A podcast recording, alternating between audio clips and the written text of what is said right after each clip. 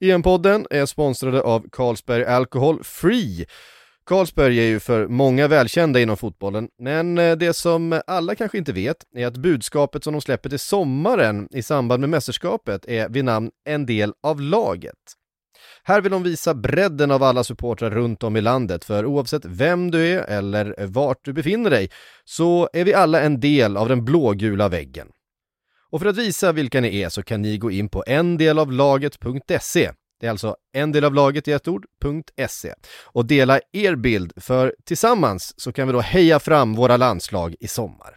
Tack till Carlsberg Alcohol Free.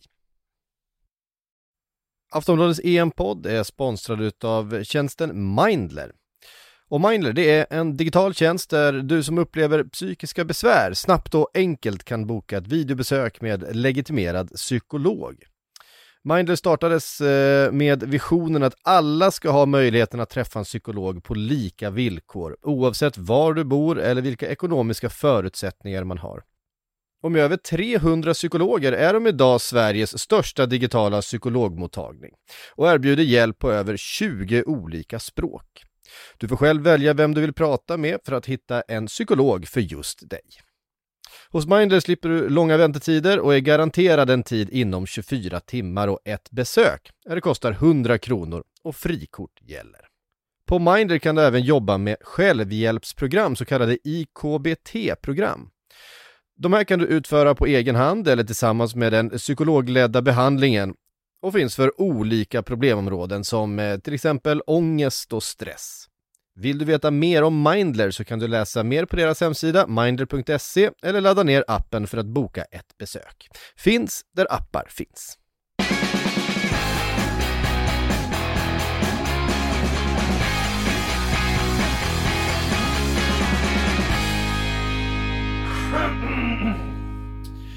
En liten coronahosta för att eh, rulla igång den här EM-podden, eller vad säger ni? Simon Bank, eh, Makoto, välkomna hit!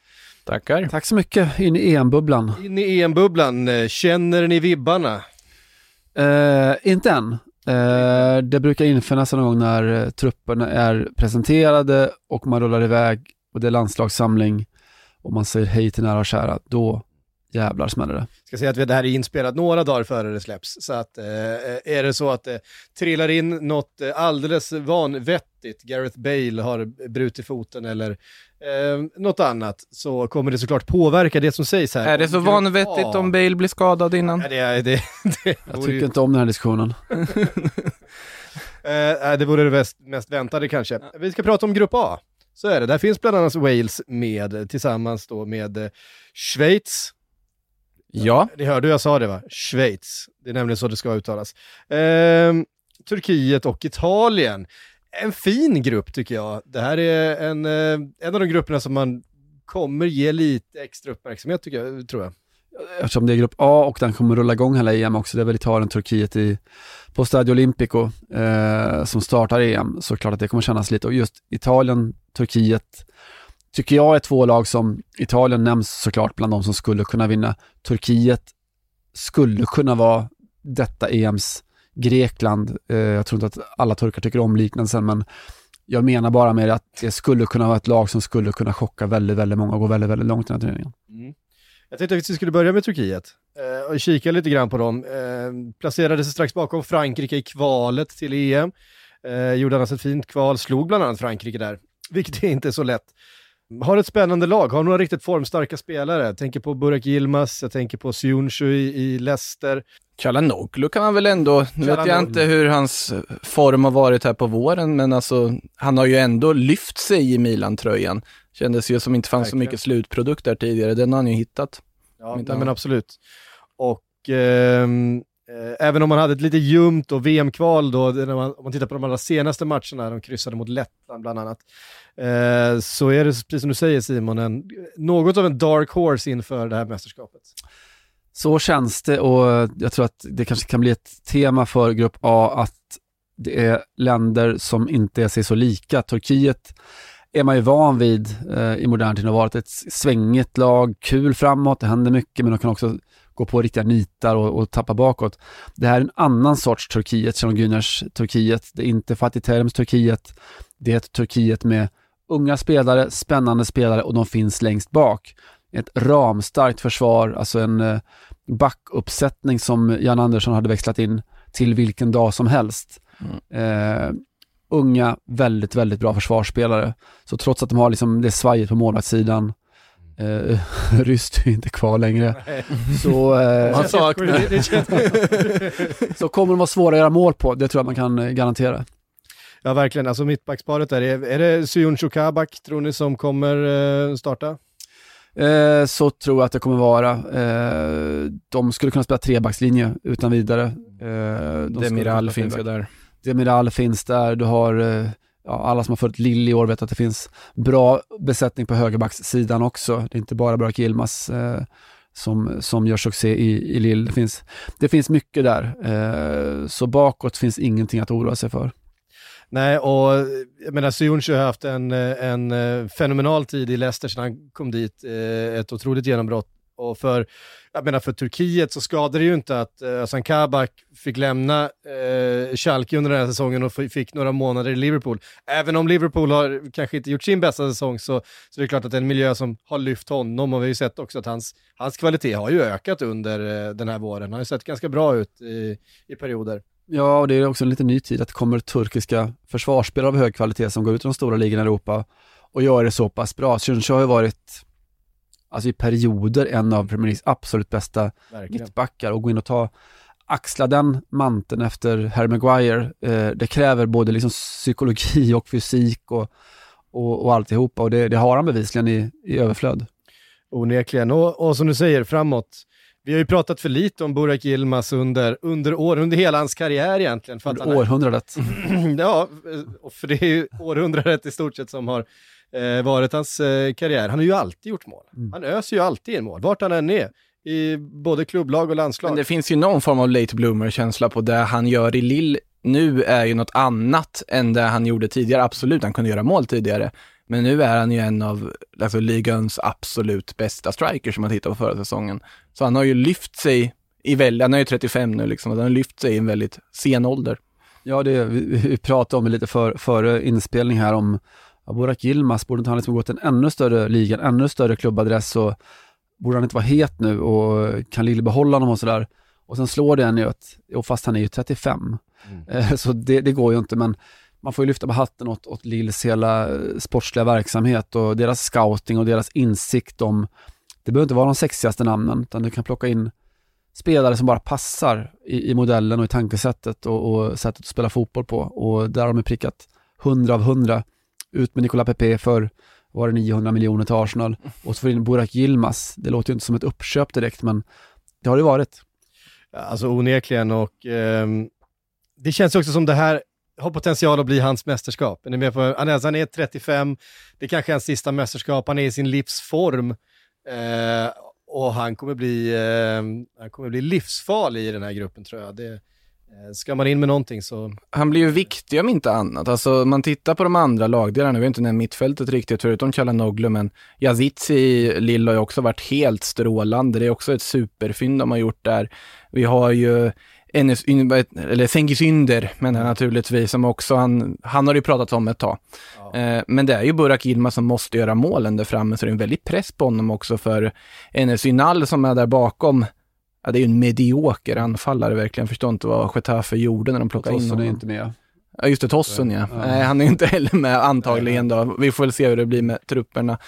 Men i övrigt så är det, det är ett otroligt, försvaret ser superstarkt ut, mittfältet ser otroligt liksom mångsidigt ut. Du har ju även Oxan i eh, West Bromwich dessutom, som eh, jag har i den här liksom sittande rollen, vattenbärarrollen där, för att det, det är ju mycket som ligger på Burak Yilmaz framåt också, att göra målen så att man, det här laget kan nå de höjder som de ändå ser ut att kunna göra. Ja. Jag är rätt svag för Cengiz under också, jag tycker det är en Alltså när han, när han har fått spela i Leicester den här säsongen eh, så, så har han ju faktiskt både stått för, för eh, liksom matchavgörande insatser men också eh, tillfört en enorm energi liksom, till, till det laget. Sen är det ett väldigt faktiskt bra, offensivt, eh, väldigt starkt lag så det är svårt att slå sig in. Men eh, jag tycker han ser spännande ut. Och det är det de behöver också. Jag var inne på att det, att det inte att det är ett ganska oturkiskt Turkiet Eh, jag vet inte vad Erdogan skulle säga om det, han håller säkert inte med, men jag, jag skulle säga att det, det är inte, det vi kommer få se Turkiet som arbetar oerhört hårt, som är kompakta bakåt. Och sen pratar vi jättemycket om Burak Yilmaz, men Burak Yilmaz är inte typen som gör, gör målen själv på det sättet. Han, han, han behöver liksom service, han behöver kreativitet. Det är där som ändå frågetecknen finns någonstans. Eh, Chalanoglu, fantastisk fot, fantastisk arbetsinsats, oerhört nyttig, kanske Milans bästa spelare över hela säsongen. Förlåt Zlatan. Eh, så Chalanoglu behövs, Cengiz Ynder behövs. Om de eh, rullar igång, om de löser den kreativa servicen, så kommer Burak Yilmaz göra sina mål också. Eh, och de eh, ställs bland annat då i gruppen här mot eh, Schweiz, ett lag med eh, eh, ett lag vi känner igen ganska mycket från de senaste åren. Det är Jan Sommer, det är eh, Xhaka och Shakiri och en Brela Mbolo som visserligen har vuxit sig och blivit vuxen. Gör inte så mycket mål dock kanske, det är väl det som är det stora frågetecknet för, för Schweiz. För att det, det, finns, det känns som ett ramstarkt lag och ett lag som är svåra att slå, men vart ska målen komma ifrån? Alexander Frey, var är han? ja, det, det, det, är ju där man tänker. Haris Sefanovic, 18 mål för Seferovic, Benfica. Seferovic, ja. förlåt. Eh, 18 mål för Benfica, Benfica den här säsongen. Det är helt okej. Okay, det var ganska bra till och med, eller? det, det alltid görs mycket, mycket mål i, i portugisiska ligan. Um, men um, ja, ett uh, Schweiz som har den här generationen kvar då som man har hängt upp väldigt mycket på med framförallt då Granit Xhaka och Sheridan Shakiri som de, de två stora stjärnorna. Ja, ramen finns ju där. Eh, det finns mycket som är ungt, lovande, men som kanske inte har än blivit exakt det som, som Schweiz har hoppats på. Alltså, du nämner en Bola är urtypen för det. Superduper talang som man trodde jättemycket på, men som kanske inte riktigt har fått den utväxlingen än. Seferovic är fortfarande det viktigaste på mål, målskyttesidan. Det här med att Embolo är 24 år. Ja, det gick mm. Vart ja, vad, vad hände? vad hände där? hände det? Han, han är ju 16. ja, det här att jag är 32, ja, men det, det är så mycket sånt. Det finns en, en jättefin, jag återkommer, jag tror jag berättat den förut, men en sån vacker historia om Vladimir Petkovic, eh, alltså Schweiz förbundskapten sedan väldigt många år, eh, som var och skulle scouta sina spelare och åkte över, till, åkte över gränsen till Tyskland, till Bundesliga och skulle se, se någon match och bli intervjuad i, i paus eh, om han tycker om, om sina spelare och deras insats i första halvlek och han säger att eh, jo men eh, Seferovic var, arbetade väldigt hårt och jag gillade vad jag såg av honom. Enda problemet var att Seferovic hade inte spelat första halvlek, han stod bänken i första halvlek. Eh, lite pinsamt för, för Petkovic. Eh, där finns väl också kanske någon sorts frågetecken. Petkovic eh, kontrakt går ut efter EM och han inte, har inte stått fri från kritik trots att, att Schweiz gör väldigt mycket väldigt bra. Eh, men frågan är väl liksom hur, hur löser de det mästerskap? De var ju väldigt håsade före, före VM senast och det tog ju slut va? Det tog ju slut mm. och det är ju ungefär samma landslag som ställs upp eh, nu då tre år senare. Mm. Men det finns ju vissa spelare som på något sätt är i någon sorts vägskäl här. Tänk alltså Zakaria som har pratat om jättemycket. Nu hade han den svåra knäskadan som förstörde 2020 för honom men har ju kommit igång i Gladbach nu. Han är 24. Vart ska han ta vägen? Är han en spelare som kan nå ännu ett steg från Gladbach och vara en liksom tongivande tvåvägsmittfältare i en av de bästa klubbarna?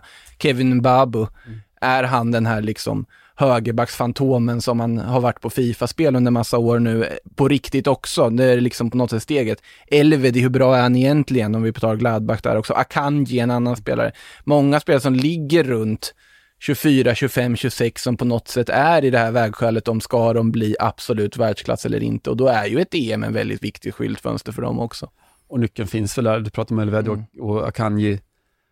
Fyrkanten med de två, med, med Remo Freuler, Atalanta som har varit mm. så nyttig för dem, eh, och med den viktigaste av alla, Granit Xhaka, eh, in i mittfältare då. Vänsterbacken. Han har spelat så mycket vänsterback, det är vad han har gjort ja. i Arsenal. Den fyrkanten kommer liksom vara den som Schweiz lite står och, står och faller med. Funkar den? Är de starka nog? Är de kompakta nog? Så kommer Schweiz vara ett väldigt svårt lag att, att slå i alla fall. Ja, sen är de ju rätt beroende av att det finns en, en uh, Shakiri som också gör det kreativa som står för, som avgör matcherna med så fina fot. Han har inte spelat speciellt mycket fotboll i år. Eh, jämfört med då för tre år sedan han spelade hela tiden då för Stoke. Mm. Och även om det var ett sämre lag så kom han i en annan matchform. De inhoppen han har gjort för Liverpool under, under våren har sett ganska kantiga yxiga ut. Han har inte bolltouchen. Vi såg honom bara nu här om helgen slå bort enkla mm. passningar med sin vänsterfot med tid. Det var någonting som man liksom aldrig såg tidigare. Eh, de behöver få igång en Shakiri i den här matchvinnarformen om de ska mm. eh, ta sig vidare från den här gruppen, för det här är ju en svår grupp. Om den albanska örnen ska flyga. Eh, visst, visst är det så, för kreativitetens skull så, så är han ju oerhört viktig för dem och det är ingen som riktigt vet var han står någonstans. Och så är det för många spelare. Det har liksom varit men det har varit eh, covid-skandaler på vissa, det är Granit Xhaka som spelar vänsterback i Arsenal, det är Shakiri som sitter på bänken i bästa fall liksom i Liverpool och får 7, 8, 9 minuter i matcherna. Mm. Så jättemycket frågetecken, eh, mycket kapacitet, eh, mycket potential, men också väldigt mycket frågetecken. Som är inte haft sin bästa säsong heller, så svårt att riktigt ringa in och rama in Schweiz 2021. Ja. Men vi kan ju konstatera... Tuff, grupp här också. Det, det känns mm. som att de kan få det, få det kämpigt här faktiskt. Ja, men det är ett lag som, alltså, var det i höstas i Nations League när de körde över Tyskland, eh, spelade oavgjort 3-3, men, men det var klart bättre än Tyskland med sitt pressspel och intensiva och frenetiska och allt det där. Men kan de göra det on a wet and rainy night? Eh, vi får se, vi får se, jättesvårt att säga. Och det är ju lite där också som, man kände ju det när Shakiri och Stoke dök upp. Är det här vi kommer in på den klassiska CL-spaningen som alla gör? Hur många spelare från Stokes nedflyttade lag från 2018 finns med här? Vi har kommit upp i en nu här då, med Shakiri. Får ta det i varje grupp för att liksom räkna ut hur många. Det är ju många säkert. Alldeles strax ska vi vidare till eh, Italien och Wales, men eh, först några ord från våran sponsor. Sportbladets EM-podd sponsrad utav Unibet. Och för att eh, ta fram ett riktigt eh, fläskigt bett så har vi tagit hjälp av Sportbladets spelsajts expert Steven Lee Holmdahl. Välkommen hit! Ja, tack Patrik, tjena tjena! Eh, känns tryggt att ringa upp en riktig expert när man måste plocka fram något, något så här tungt. Vi har ju tittat på Grupp A den här veckan. Har du hittat något kul spel just här? Ja, absolut. Jag tycker att eh, eh, jag har spelat Italien som turneringsvinnare till 13 gånger pengarna. Eh, jag tycker att de är lite underskattade, framförallt med tanke på att de kommer få spela på hemmaplan genom hela gruppspelet som är överkomligt med motstånd som Schweiz, Wales och Turkiet. Och sen eh, om man får spåna lite så blir det Ukraina i åttondelsfinalen troligen om de vinner, om Italien vinner sin grupp. Och sen efter det är det ju bara ett par matcher kvar till guldet. Så eh, centrallinjen i Italien ser ändå helt okej ut och om eh, Ciro Immobile fortsätter att göra lika mycket mål som han har gjort för Lazio i Serie A så kan det bli riktigt spännande tror jag. Mm, ja men det är riktigt, eh, riktigt spännande spel faktiskt. Eh, Italien är det många som följer. Ja. Och det här spelet hittar, man, hittar man såklart då på unibet.se. Och kom ihåg att du måste vara 18 år för att spela och är det så att du eller någon i din närhet spelar lite för mycket så kan man gå in på spelpaus.se och läsa mer om spelberoende och hur man pausar sitt spelande.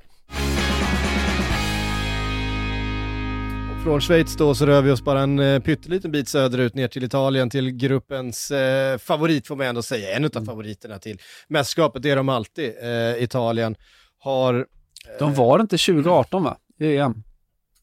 Nej, det var de inte. eh, då, då fick de, de inte, vara med.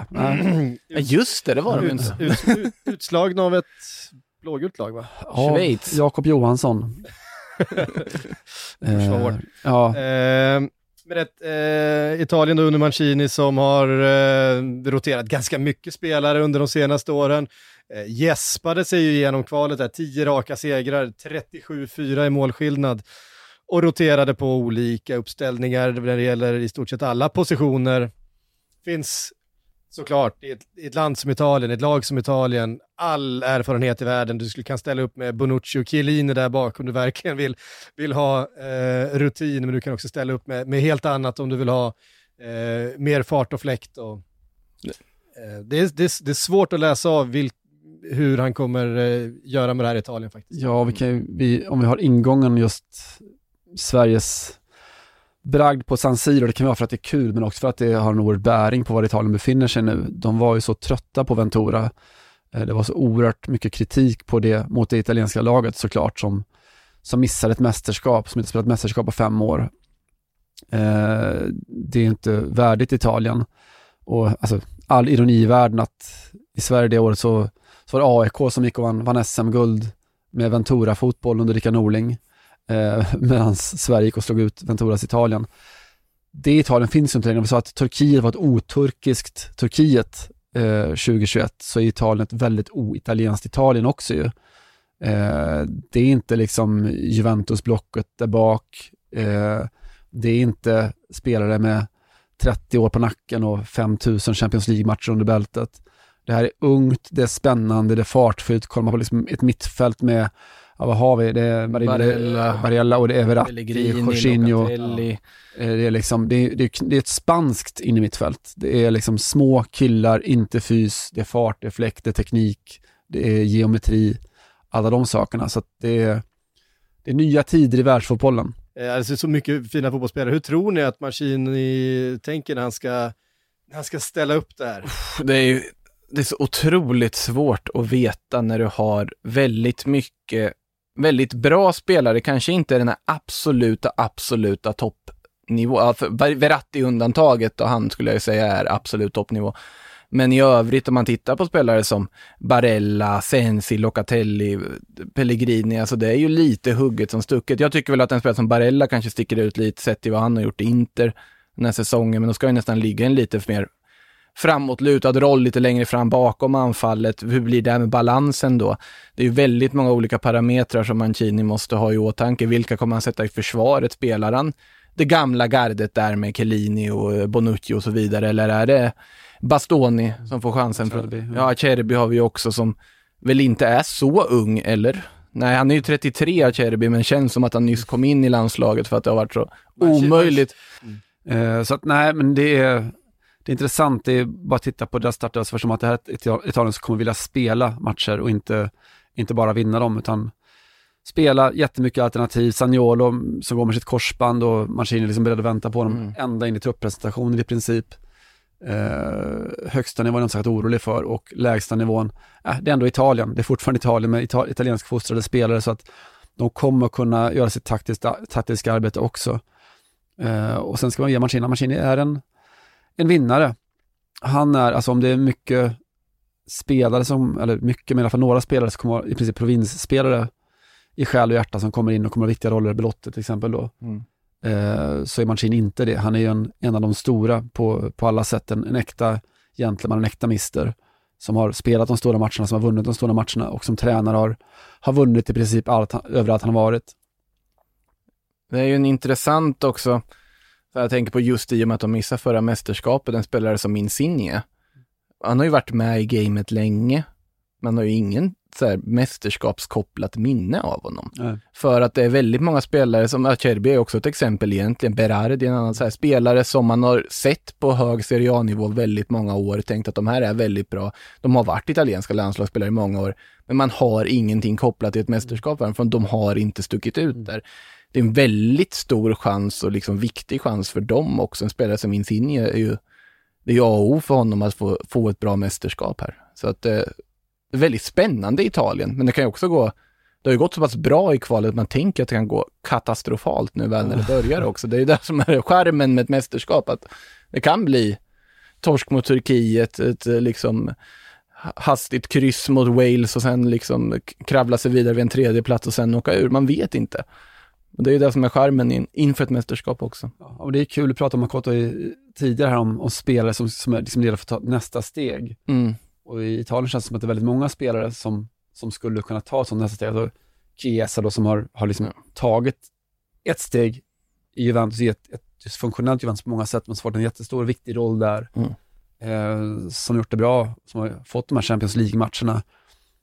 Vad kommer härnäst då? Jo, men det är väl att göra det bra för Italien också. Eh, de har många alternativ, de har jättemånga alternativ. Det finns ett par, nu är Verratti trasig nu när vi spelar in det här. Uh, skulle liksom en till av de två där inne skulle, Skulle Verratti inte bli hel i tid, skulle Jorginho gå sönder, gud förbjude, då har vi ett stort frågetecken.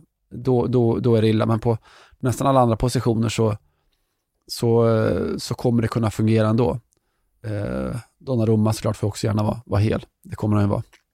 Det kommer han ju vara. Eh, framåt då, vem är det som ska göra alla målen? Är det Immobile? Giro Immobile. Ja, men där är ju också samma sak. Alltså att vi minns Vieri, Inzaghi och, liksom, och så vidare från förr med... Vi minns också Graziano Jo, Pelle och Eder. Gör vi det? Alltså gör vi det på samma sätt? Alltså, Ja. det här är ju Immobiles chans att skriva in sig i samma del av historien som de största. Han har ju levererat på Serie A-nivå som de största. Men han måste ju göra det på något sätt i den blåa tröjan också. Och det här är ju, han har hunnit fylla 31, ja jag tjuvläste.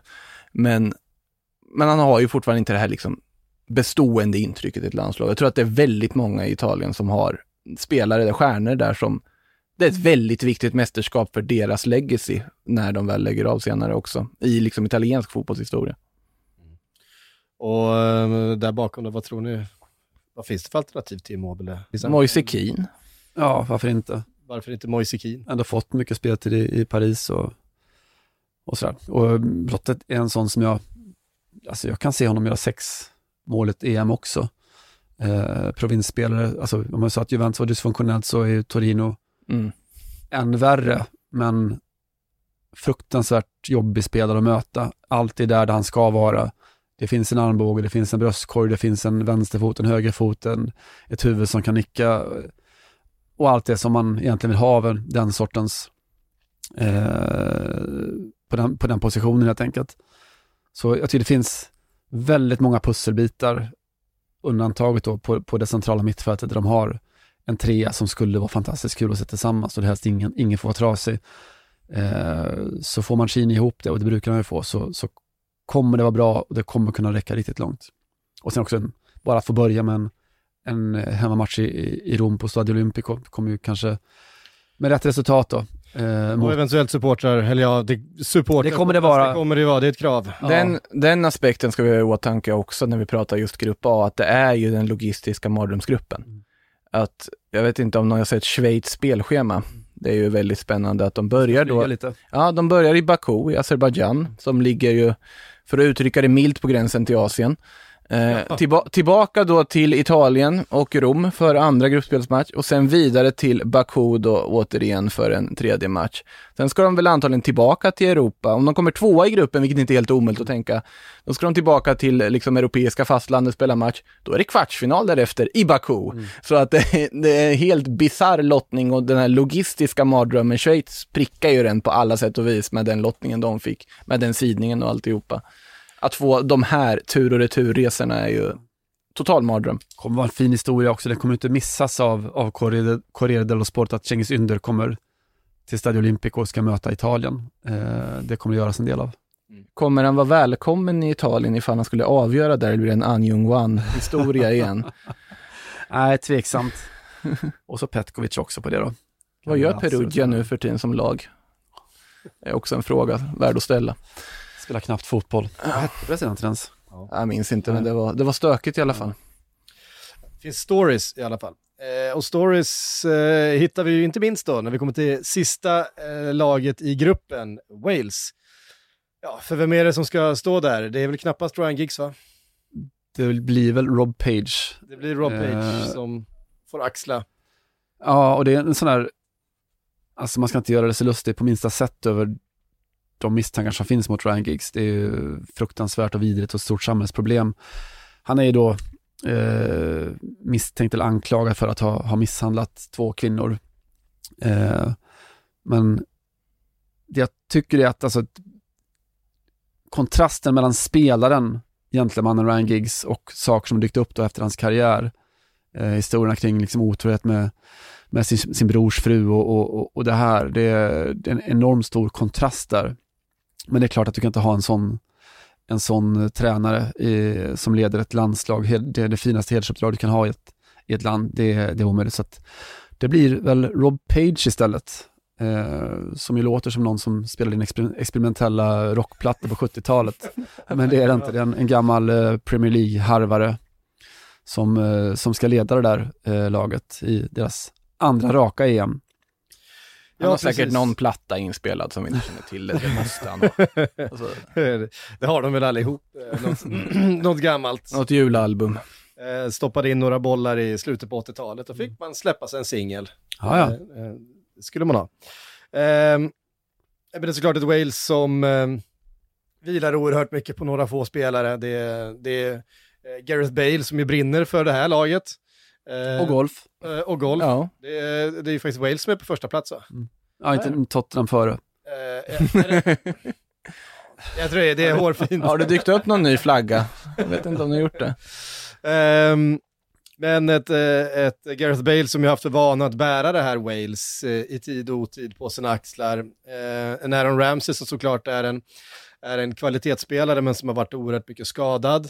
Ehm, vad vet du om hans fysiska status eh, just nu? Vet man någonsin någonting om Aaron Ramseys fysiska status? Det man vet är väl att Juventus kanske inte tycker det var den bästa free transfern de har gjort i klubbens historia direkt, men det kan man ju säga med ganska många affärer den klubben gjort senare år.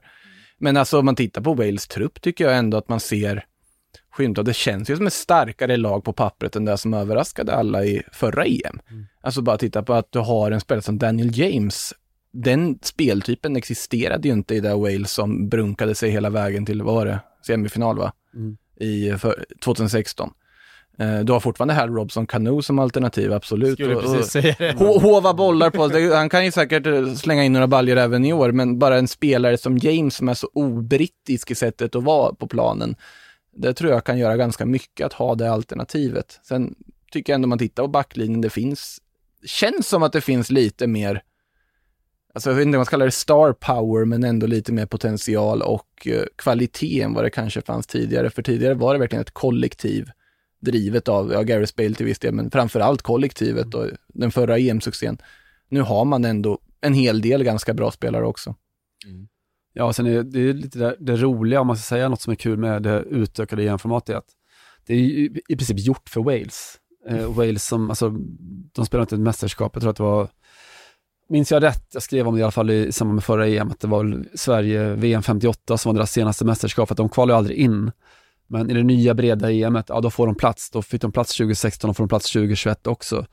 Eh, och det är ju lite kul för att det var ett väldigt charmigt lag för fem år sedan. Eh, och det är ett kul lag att följa i, i år också. Inte minst de tre där framme då med Harold Wilson som väl du har koll på Patrik. Mm med, med James, eh, som jag tycker är lite av en Josefin Ökvist. Om han, någon ställer honom rätt och säger spring så går det bra. Ja, Står han lite, vrider han sig 10 grader åt fel håll så kan han lika gärna springa ut över sidlinjen med bollen. Men han har farten och det kan passa ganska bra i en, i en grupp där Wales i alla fall inte förväntas att styra matcher utan det kommer kanske bli lite kontringar.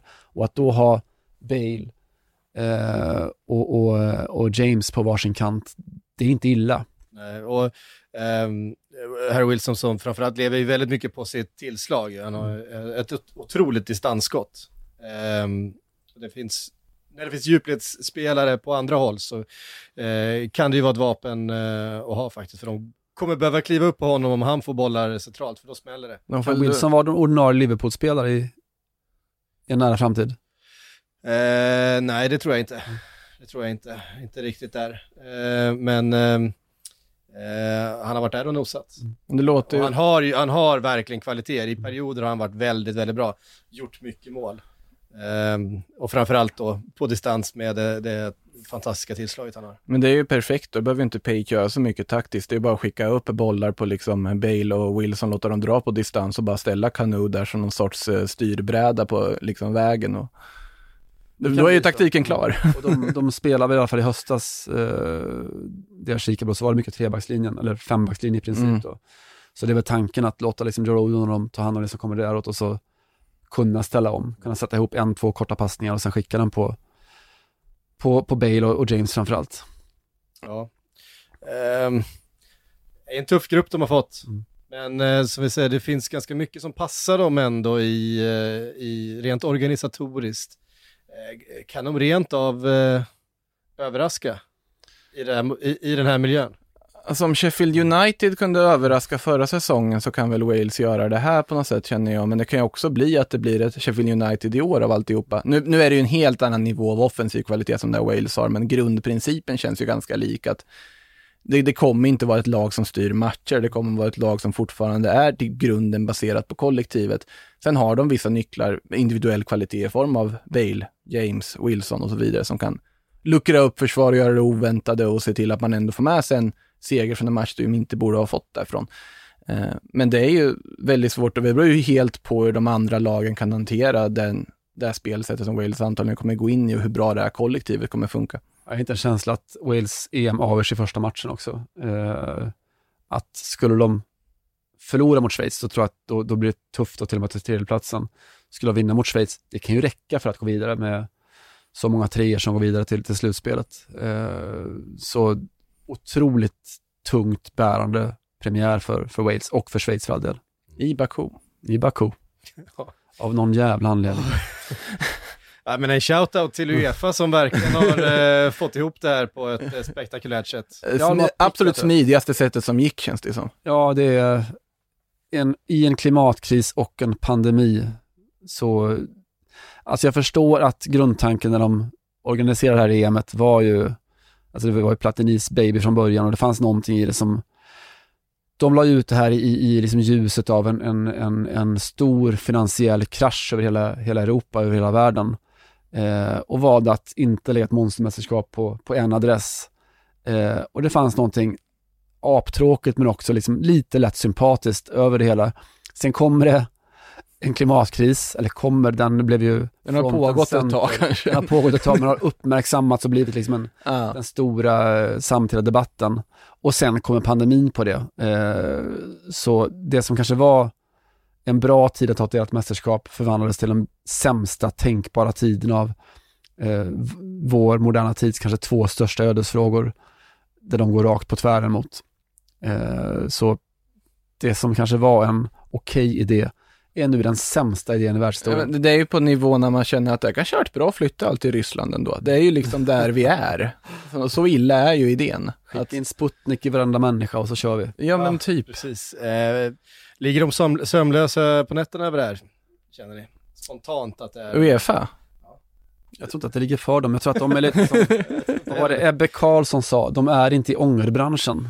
Nej det är de här, sannerligen inte. Vi tittar på Grupp A då, ni måste tippa. Aj då. Det måste man ju göra i sådana här sammanhang va. Eh, och då inser vi ju alla att nu är inte ens trupperna uttagna när vi sitter här och spekulerar, men med det vi har pratat om, hur, hur tippar ni den här Grupp A? Um...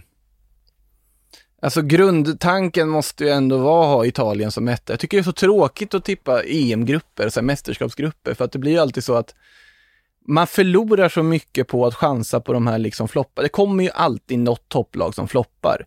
Men ingen kommer ta en seriöst om man säger att Italien kommer trea i den här gruppen.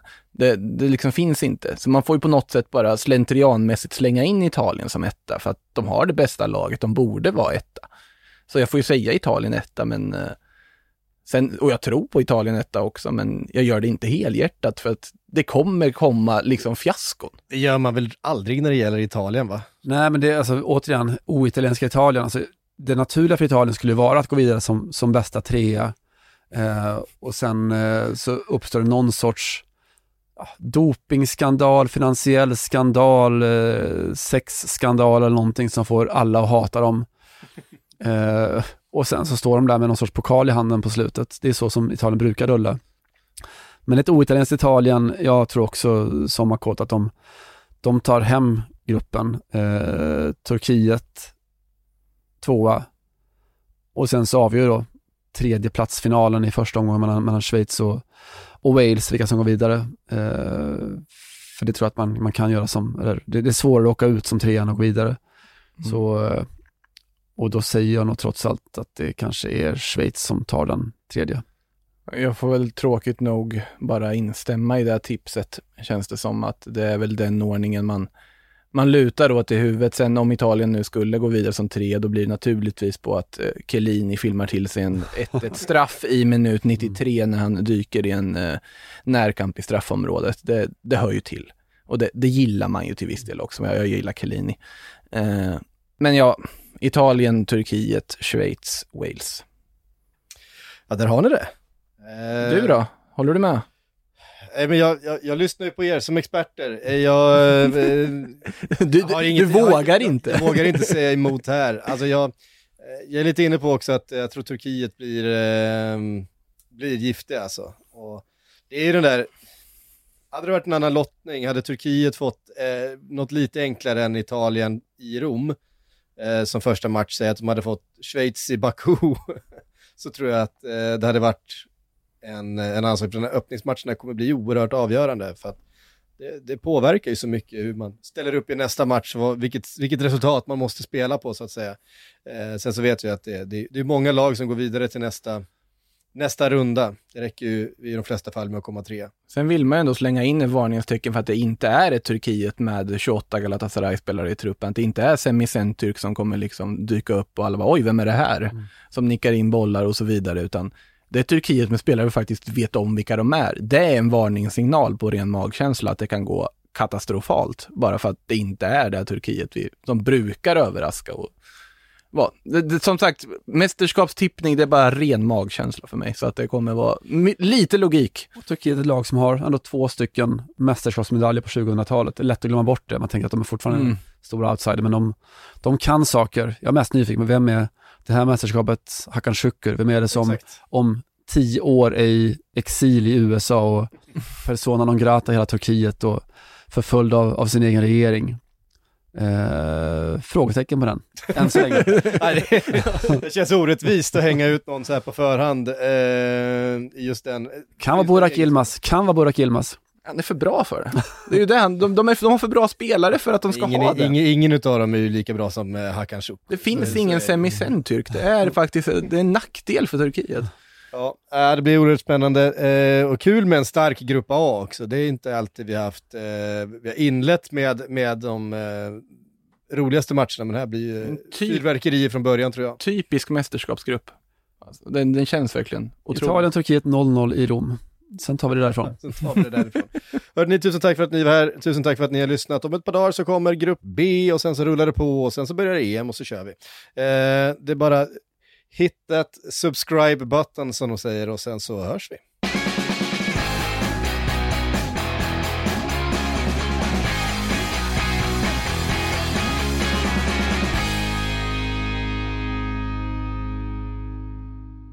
Du har lyssnat på en podcast från Aftonbladet. Ansvarig utgivare är Lena K Samuelsson.